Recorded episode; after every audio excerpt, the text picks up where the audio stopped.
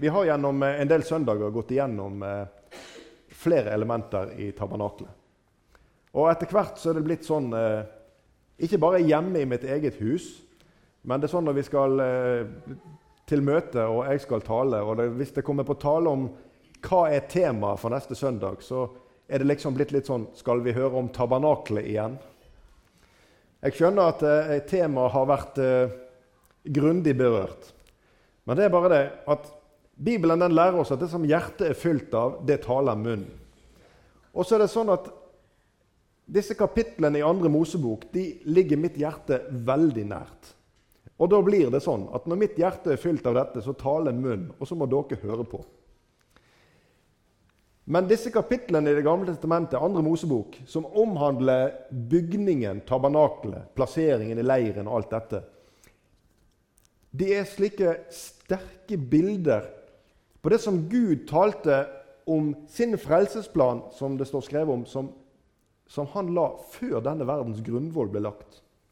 Alt i nøyaktighet fram Sinai-pakten, selve teltbygningen og tabernakelet slik det ble reist i ørkenen, vandringen underveis til det lovede land, tempelet i Jerusalem og seinere det som skjedde når Jesus kom og hans endelige offer for synd. Alt dette det henger grundig sammen.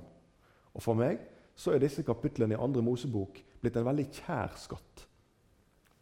Fordi at for mitt hjerte så er det slik at jo mer jeg ser inn i Guds nøyaktighet, jo større blir Gud for mitt hjerte. Og Jeg håper du kan få ha det sånn òg.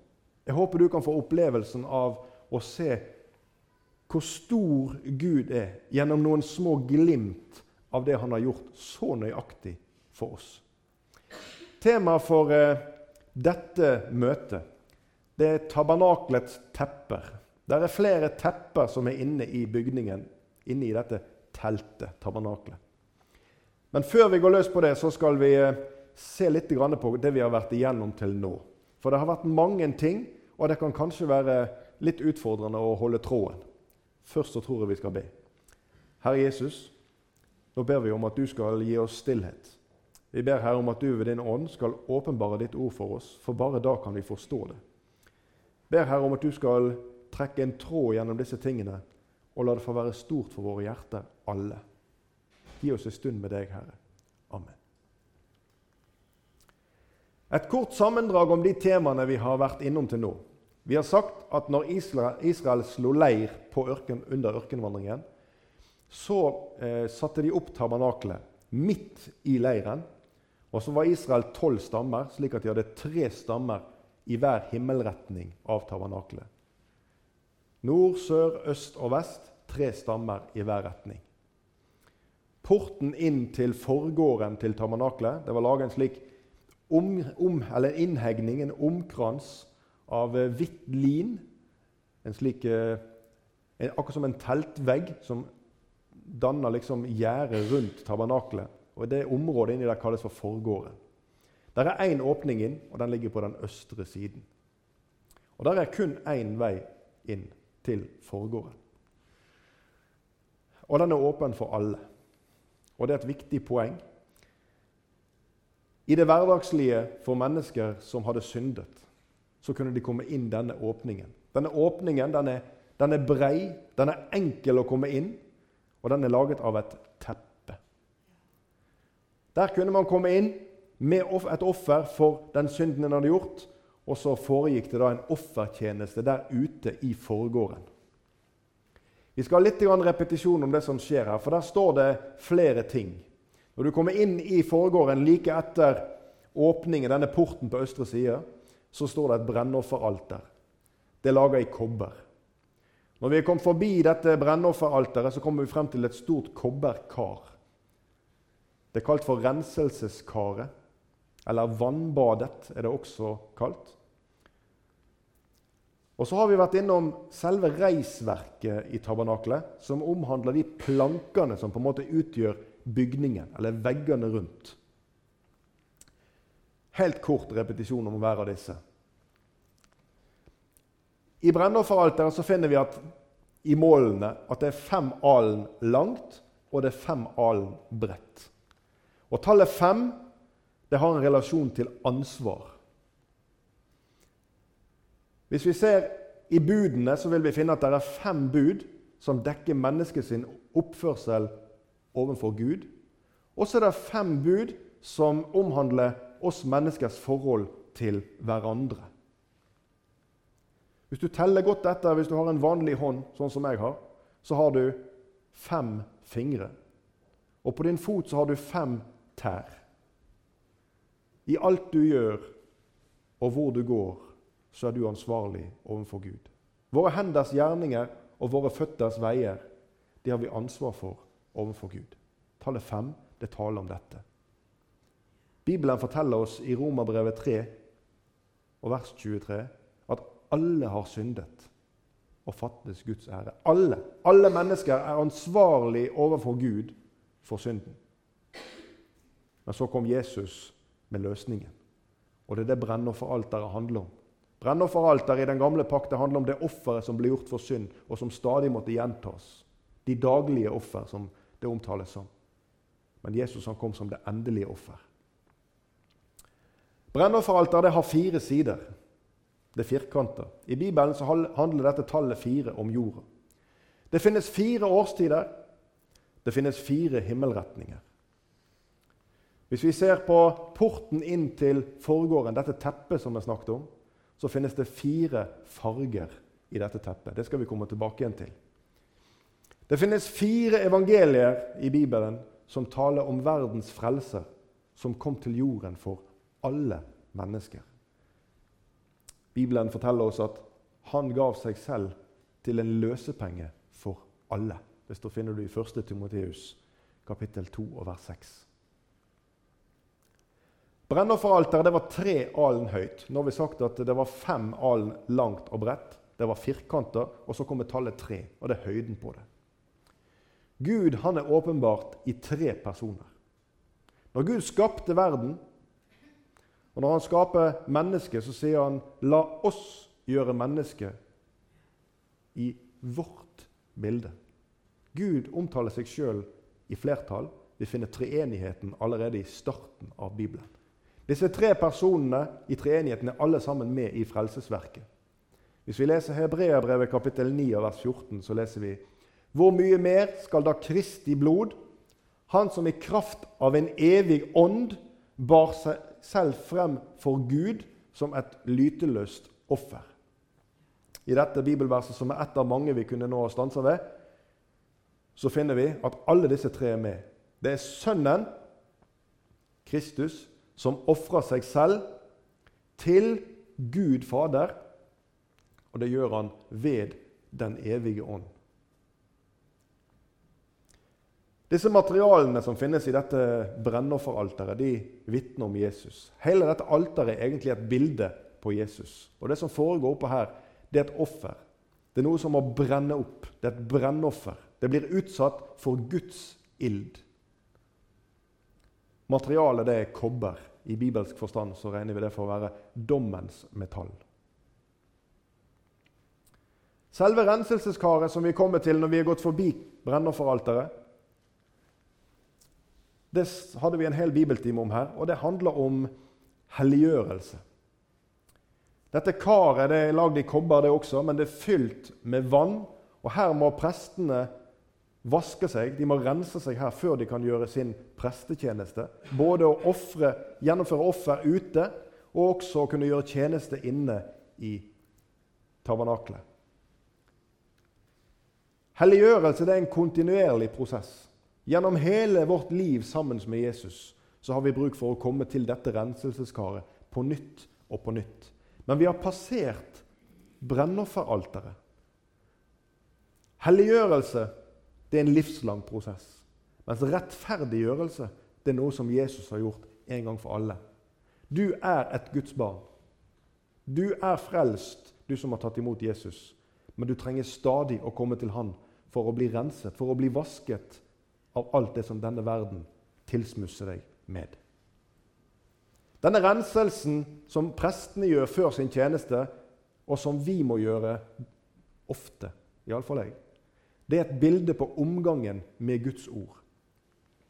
Renselseskaret det har et budskap. Det sier på en måte dette Du er et Guds barn, du som har tatt imot Jesus.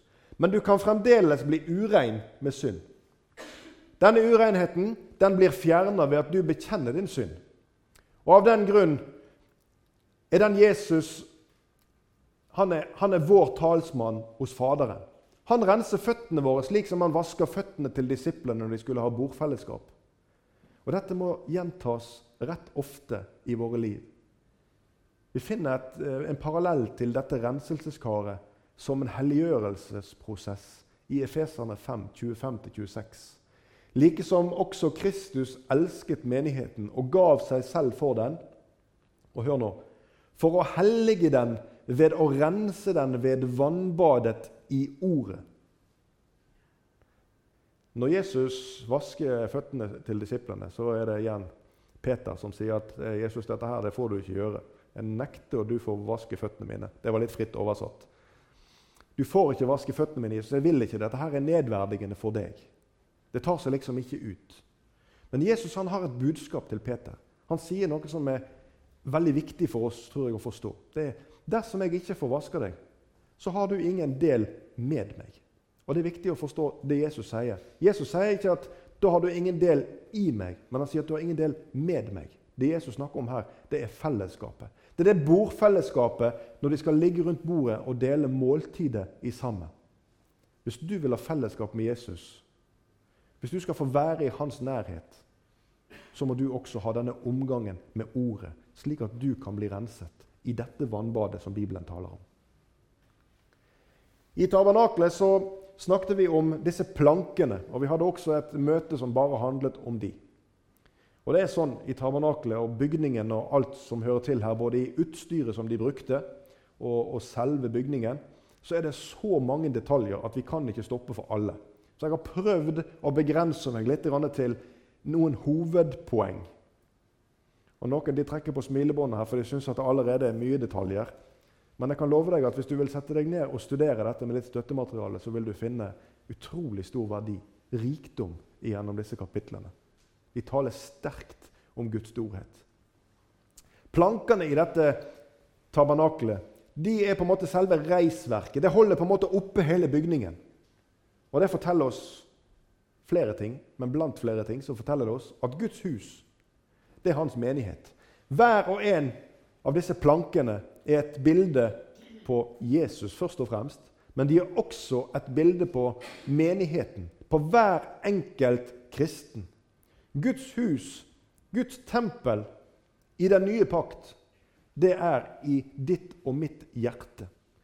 Guds tempel er ikke i bygningen som sto i Jerusalem, i Salomos tempel. Tabernakel det betyr egentlig midlertidig bolig eller oppholdssted. Det var en midlertidig løsning, dette teltet som de bar med seg. Og så kom tempelet i Jerusalem. Og Det ble som du vet fra bibelhistorien, reist flere ganger pga. krig og vanskeligheter. Men Guds hus i dag, i den nye pakt, hans menighet, det er i våre hjerter. Og Like som Gud befalte hvordan tabernaklet skulle reises, hvordan det skulle lages. I ett og alt skulle Moses reise det etter det bildet som var vist ham på fjellet. I mål og i helt nøyaktighet. Stedet hvor tempelet ble reist i Jerusalem, det ble utvalgt av Gud. Det skjedde etter at David hadde synda og lot folket bli talt for å finne ut hvilken stridsmakt han egentlig hadde. Og Så blir David straffa for dette av Gud fordi han begynner å se på egne krefter istedenfor å stole på Gud.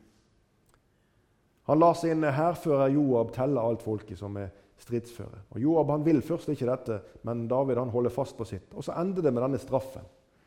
Og Så blir det slik at Gud slår folket med pest. Og så er det slik at Denne straffedommen den stanser, og da står David på et sted. Der er en jebusitt som heter Ornan. Dette kan du lese om. Og Der står David på denne treskeplassen. Og der ofrer David til Gud. Der ble det gjort et offer til Herren. Der stanser straffedommen. Og på det sted hvor David ofrer, der kan du lese gjennom Bibelen og se at der, nøyaktig på det stedet, der blir brennofferalteret i tempelet som blir reist, i Jerusalem, det er det samme stedet. Og det er på Moriafjellet. Det er på det samme fjellet hvor du finner at Abraham tok med seg Isak. På Moriafjellet ble også Golgata kors reist. Der er tempelet i Jerusalem. Det er et stort fjell, så det er ikke nøyaktig de samme stedene. Men Moriafjellet. Gud er helt nøyaktig i utpekingen av sted.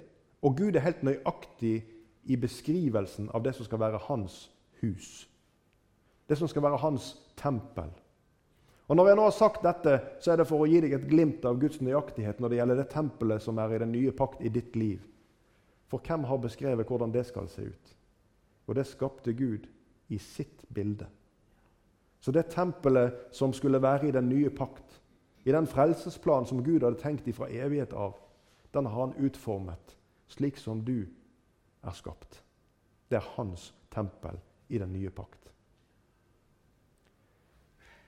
Disse plankene i dette tabernakelet, hver for seg så har de en historie. For en gang så var dette et tre som måtte bli hugget. Som måtte bli tilpasset til en planke etter de mål som Gud hadde tenkt for at dette, denne menigheten eller dette huset hans, hvor gudstjenesten skulle foregå, skal kunne stå. Disse plankene de ble så ikledd gull. Guds herlighet, Guds hellighet, slik som du ble når du ble frelst. Disse plankene de står på fundamenter av sølv, som et bilde på løsepengen. De står ikke nede i ørkensanden. De er innfester skal vi si, i nådens fundament. Hver og en av medlemmene i Guds menighet, ikke i arken eller i kirken eller i andre menighetsnavn, men i Guds menighet, de er innfestet i nådens fundament. Der står de støtt innfestet. Det står at disse loddene som var satt ned i sanden i sølv, de hadde sånne tapper så disse plankene ble innfestet i, slik at verken ørkenstommer eller andre ting kunne rive ned. Ingenting kan ødelegge Guds frelsesverk. Ingenting kan bringe dette i ustand. Ingenting i denne verden kan påvirke dette slik at det raser sammen. Og hele reisverket, hver planke, hver kristen, hver medlem i Guds menighet på jord er adskilt fra denne verden fordi det står innfestet i nåden. Det står på Jesus Kristus som grunnvoll. Det er fem faktorer som holder disse her eh, tingene sammen.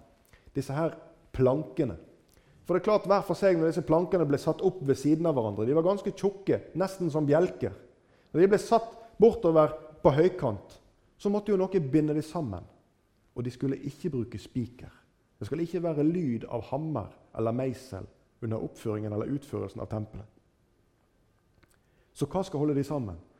Jo, utvendig så er det fire hva skal vi si, fire planker som ligger på langs over denne plankeveggen. Som er tredd inn gjennom noen løkker. Sånne gullringer. Og Det gjør at disse holder sammen. Men det er en femte planke. Og Den er bora igjennom. Det lager hull i alle plankene på langs gjennom veggen. Og inni veggen der der er det tredd én tynnere planke som på en måte binder sammen alle disse plankene. I tillegg til de fire synlige på utsiden. Så hva er dette? Det nye testamentet, hvis du leser apostelgjerningene 2, 42, og så leser vi også i Kolosserbrevet 3, 14. Der finner vi disse fem elementene. De utvendige fire bjelkene som binder dette sammen, de finner vi som apostlenes lære. Samfunnet, altså det å komme sammen i menigheten for å tilbe. Med brødsbrytelsen, som er minnemåltidet, og ved bønnene. Disse fire tingene de er synlige fra utsida. Men den femte bjelken som går inn i veggen, og som er en bindebjelke som skal holde alt dette sammen, den leser du om i Kolosserbrevet 3,14. Der står det omtalt som kjærlighetens fullkomne sambånd. Det er ikke en fysisk ting. Det er ikke noe som en bare kan se fra utsida, men det er noe som binder Guds menighet i sammen. Og Nå har jeg brukt veldig mye tid på å prøve å dra gjennom en tråd, for at vi skal få en forståelse av hvor, hvor henne vi er henne i forhold til uh, denne undervisningen om tabernaklet. Og Jeg har bare nå stoppa for noen av hovedpunktene av det vi har gått igjennom. Men jeg håper at det gir deg et bilde. I det videre nå så har jeg lyst til å, å ta for meg eh, disse teppene som utgjør taket på tabernaklet. Teltteppene. Og Vi skal lese fra andre Mosebok, kapittel 26, og vi skal lese vers 1-14. Tabernaklet skal du lage av ti tepper, av fint tvunnet lingarn, og blå og purpurrød og karmosinrød ull. Du skal lage dem med kjeruber på i kunstvevning. Hvert teppe skal være 28 alen langt og 4 alen bredt. Alle teppene skal holde samme mål. Fem av teppene skal festes sammen, det ene til det andre. Likeså de andre fem teppene.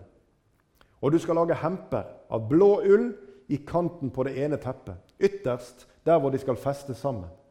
Likeså i kanten på det ytterste teppet der den andre sammenføyningen skal være. 50 hemper skal du lage på det ene teppet, og 50 hemper skal du lage på det andre teppet, der hvor den andre sammenføyningen skal være. Hempene skal være like mot hverandre, den ene mot den andre. Og du skal lage 50 gullkroker og feste teppene til hverandre med krokene, så tabernaklet blir et sammenhengende telt. Så skal du lage tepper av geitehår til å dekke over tabernaklet. Elleve slike tepper skal du lage. Hvert teppe skal være 30 alen langt og 4 alen bredt. Alle de elleve teppene skal holde samme mål. Og du skal feste fem av teppene sammen for seg og seks for seg. Og du skal legge det sjette teppet dobbelt på fremsiden av dekket.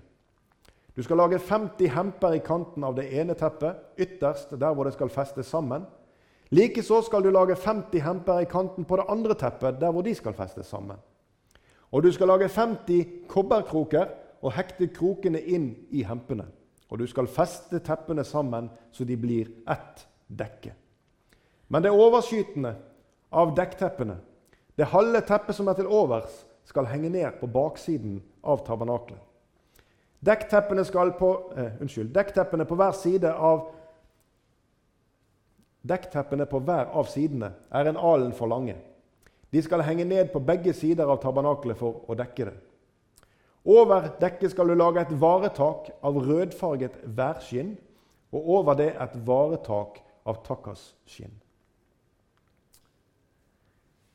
Her er det veldig mye å si. Og igjen, vi skal prøve å forholde oss til noen av hovedpoengene i dette. Og Hvis du synes at eh, at det er vrient når vi leser disse her eh, versene her om tepper og løkker og hemper og mål, ja, så er det fordi at dette det krever at du setter deg ned i et bibelstudium og leser litt rundt det. Og For egen del så har det vært nyttig å ha noen modeller og bilder av disse tingene for å få liksom litt bedre forståelse av både målene og hvordan de ser ut i forhold til hverandre. Men vi skal likevel prøve, uten bilder og modeller her i dag. Det underste teppet. For vi leste om fire forskjellige tepper. De ligger oppå hverandre. Og det underste teppet det er altså, Hvis vi nå ser for oss at tabernaklet er satt opp, alle disse plankene med gullomkransning de står nå på høykant, så selve reisverket i tabernaklet det er ferdig. Så skal vi ha tak på dette her. Og Disse teppene som vi nå leste om, som egentlig består av flere mindre tepper som er satt sammen til et stort, de trekkes over dette reisverket, slik at de danner et telt over dette reisverket, disse plankene. Og Det ligger altså fire tepper oppå hverandre oppå dette reisverket. Og Vi skal se på litt av hver enkelt av disse fire teppene. Det underste teppet det leste vi om. Det er lagd i fire farger. I hvit, blå, purpur og karmosin. Igjen så finner vi disse fire fargene. og Det er de samme fargene som vi finner i teppene som er inn gjennom porten til foregården. Den hvite lin som er brukt, den hvite fargen, det er et bilde på hellighet. Det er Jesu hellige vesen og hans plettfrie liv vi finner gjennom den hvite fargen. Den blå fargen den taler om guddommelighet. Den taler om Han som kommer ovenfra. Den taler om Gud, den taler om Jesus, den taler om himmelen. Purpur det er en kongelig farge. Den står her som et bilde på Jesu kongeverdighet. Den karmosinrøde fargen, eller skarlagen, den forteller om Jesu lidelse og død. Det er blodets farge. Alle disse fire fargene de finner vi innarbeidet i dette teppet, i det underste teppet som skal være over tabernaklet. Disse fire fargene de er benytta fire plasser i tabernaklet. Jeg nevnte porten inn til forgården. Så har vi døra som er inn til teltet, altså det som skiller forgården og åpningen inn til det hellige. Så finner vi disse fargene i forhenget mellom det hellige og det aller helligste. Og så finner vi altså disse fargene i det underste teppet, som er tabernaklets overkledning. Vi finner Jesu fire sider når vi oppsummerer i disse fargene. Vi finner altså fullkommenheten, vi finner guddommeligheten, vi finner det kongelige over Jesus, og vi finner offeret gjennom disse. Hvit, blå, purpur og karmosin. Dette underste teppet som overkler tabernaklet, det er laget av ti mindre tepper. Hvor fem, av, fem og fem tepper er satt sammen til da, to større tepper. Og disse to større teppene de er satt sammen til ett stort teppe, som altså dekker hele bygningen.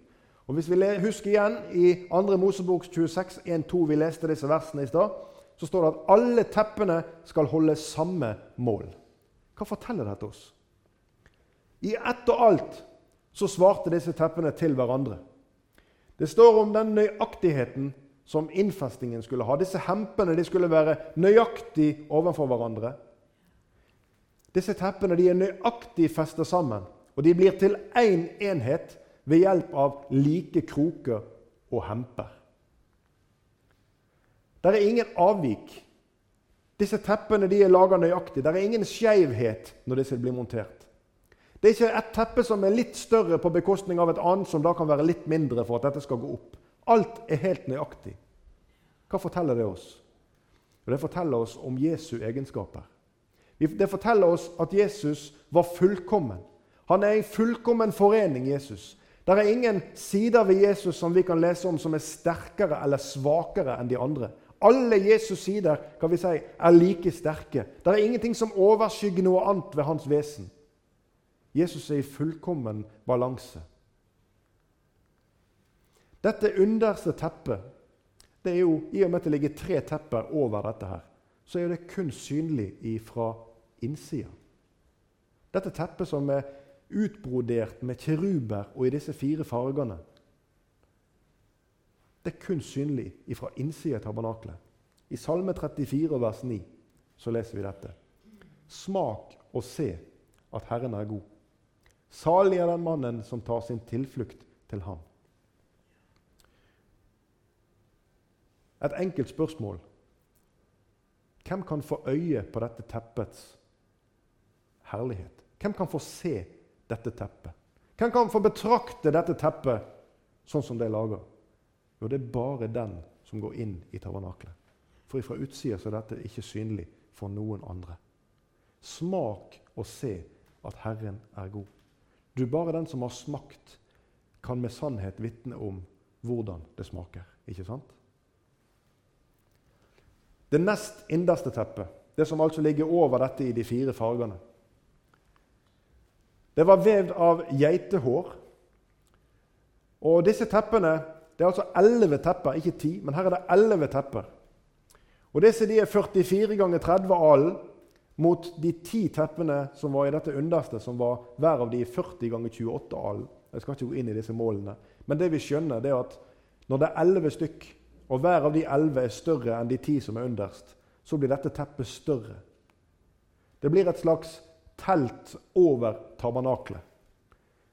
Over det blå og røde og hvite teppet, som da blir helt skjult under dette gjetehårteppet. Dette, tepp, dette teltet som nå blir lagt over, dette vakre, broderte teppet, det beskytter dette underste teppet ifra omgivelsene. Men det adskiller det også fra omgivelsene. Dette hellige, det er adskilt fra denne verden. Jeg skal ikke gå lenger inn i det, men Guds hus er adskilt fra verden. Hans menighet er adskilt fra verden. Like som plankene som vi snakket om, står innfestet i nådens metall, står innfestet i Kristus og ikke i denne verden, så er også dette dette som er i disse fire fargene, dette vakre teppet, det er også adskilt fra verden. For den som skal se dette teppet, må være i tabernaklet, eller i den nye pakt, må være i Kristus. I den gamle pakt så var det altså kun prestene som fikk se dette innerste teppet. For det var kun de som hadde adgang til det hellige, og ypperstepresten til det aller helligste.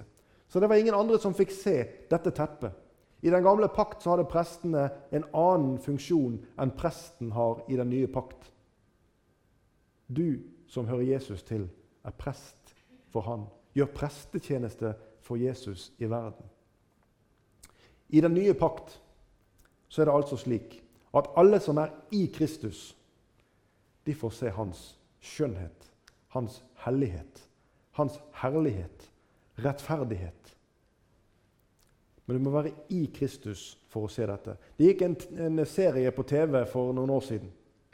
Som het, der var sånn slagord der som het noe sånt som at eh, du tror det ikke før du får se det. Men i denne sammenhengen her så er det litt omvendt. Du ser det ikke før du tror det. Det blir liksom litt på hodet. Du må komme inn i Kristus. Du må ta imot Han i ditt hjerte. Så vil Han vise seg for deg som den Han er. Da blir dette vakre synlig for ditt øye. Det tredje teppet det er laga av værskinn. Så altså ikke sauer, men av vær. Så brukte man skinnet fra disse værene, og det skulle være rødfarger. Det tredje teppet det skal nå legges oppå dette som er laga av geitehår. Så nå er det teppe nummer tre. Vi kan ikke lese hele teksten om dette, for det, det tar for lang tid. Men hvis du vil lese på egen hånd, så kan du lese om, om eh, denne væren som blir slakta under innvielsen for prestene. De har en sånn innvielsesseremoni når prestene blir helliget til Guds tjeneste i tabernakelet. Det kan du lese om. 2. Mosebok 29, og vers 15-35. Dette offeret som blir gjort her, denne væren som blir gjort, og dette skinnet som blir brukt, det vitner om Jesu absolutte hengivelse til Gud, til Faderen. Jesus han er lydig til døden på korset. Og du og jeg vi blir rensa til han. Rensa ved han. Og dermed så blir vi også innvia til tjeneste for han.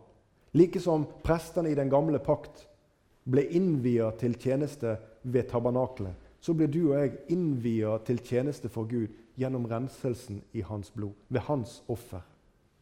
I Filippa-brevet 2,8 så leser vi om Jesus. Der står det om at han fornedrer seg selv og ble lydig til døden, ja, døden på korset. Denne røde fargen på dette teppet den vitner om Jesu blod og det offer som han gjorde. Og det hviler over hele Guds bolig. Det ligger over hele tabernaklet. Der hviler dette blodrøde teppet i værskinn. Så er vi kommet til det fjerde teppet, og det er det ytterste. Og Det er laga av selskinn, eller takasskinn, som Bibelen forteller om. Dette teppet her, det var jo utsatt for ørkensand og vind og solskinn. Jeg ser for meg dette teppet, dette ytterste dekket, som et ikke så veldig pent dekke. Litt værslitt. Ikke særlig praktfullt. Og det er faktisk det eneste av tabernakelets ytre som er synlig fra utsida. Når det tabernakelet var reist opp her i ørkensalen. Så hva forteller dette oss om? Jo, utenfra så er tabernakelets herlighet skjult. Det er kun ifra innsida av tabernakelets herlighet kan bli sett. Du, Dette vitner om Jesus Hele tabernakelet, bygningen, alle lagene, alt dette det vitner om Jesus. I Jesaja 53, og vers 2-3, så leser vi om Jesus. Han hadde ingen skikkelse og ingen herlighet, sier profeten. Videre sier profeten han hadde ikke et utseende så vi kunne ha lyst til ham. Foraktet var han. Allikevel var han full av herlighet. For i Kolosserbrevet 2,9 så leser vi For i ham, det er Jesus, i ham bor hele guddommens fylde legemlig. Ingen kunne se dette. Ingen av de menneskene som gikk sammen med Jesus, kunne se dette. Jesus var forakta av mange. Jesus ble både håna han ble etterfulgt. og Han ble forsøkt arrestert for å si, både i ord og gjerning av de som skulle kunne noe i hans samtid, de skriftlærde, fariseerne. Ingen kunne se dette, men Johannes han, sier, han oppsummerer veldig godt når han sier til folket når Jesus kommer. Så sier Johannes i 1,26.: Men midt iblant dere står den dere ikke kjenner. Hvorfor det? Jo, for mennesket betrakter bare det som er utvendig. Men Gud, han ser til hjertene. Sånn er det for, med Jesus for veldig mange mennesker i dag. Han står midt iblant menneskene i dag. Jesus han vandrer i verden, ikke legemlig synlig, men han vandrer i verden. Men veldig mange mennesker akter han fremdeles for intet. Kunnskapen som vi mener å ha erverva, er blitt viktigere for oss enn det Bibelen taler.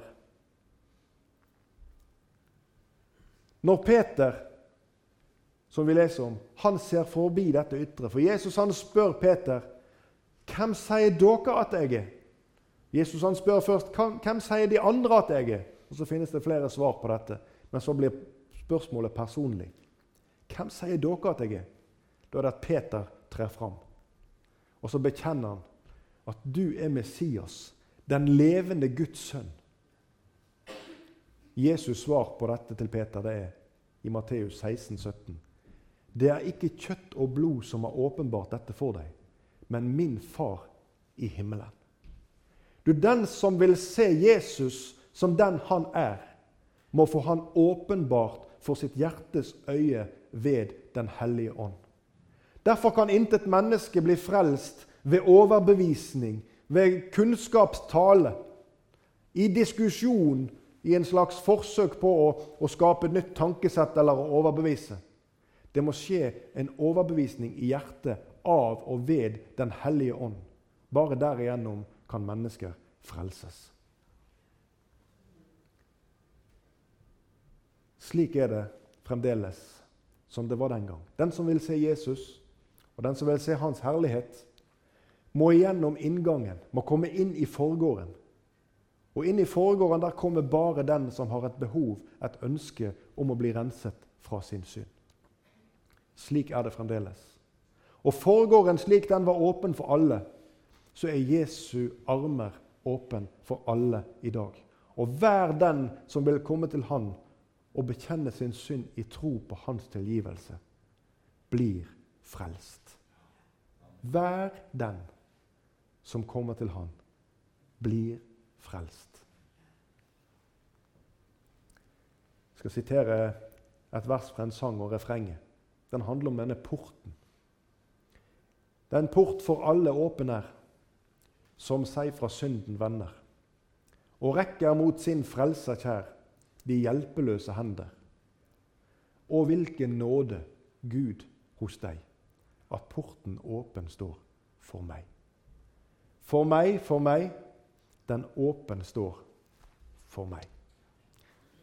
Du som nå har hørt på denne vandringen som vi har gjort fra utsiden på forgården, inn gjennom porten, forbi brennofferalteret, i renselseskaret, og som nå har fått sett på denne bygningen, som skal få lov til å være en del av denne bygningen som kalles for Guds tempel, Guds menighet på jord. Betrakt disse versene Porten er åpen for deg. Du har del i dette om du bare vil med ditt hjerte. Takk, Herre Jesus, fordi at porten er åpen for alle. Takk at din tilgivelse, Herre, den overdekker absolutt alt. Slik som eh, disse teppene vi har lest om, som overkledde hele reisverket, Herre. Takk, Jesus, for at vi skal få være overkledd, ja, dekka av deg, Jesus av din nåde, Vi skal få være atskilt ifra denne verdens faktorer som tilsmusser vårt hjerte med synd. Fordi at din tilgivelse ja, den bor i oss, Herre. Takk, Herre, for din usigelige nåde. Og hjelp oss, Herre, å grunne på dette, slik at vi kan med rette fryde oss i våre hjerter over det du har gjort for oss. Amen.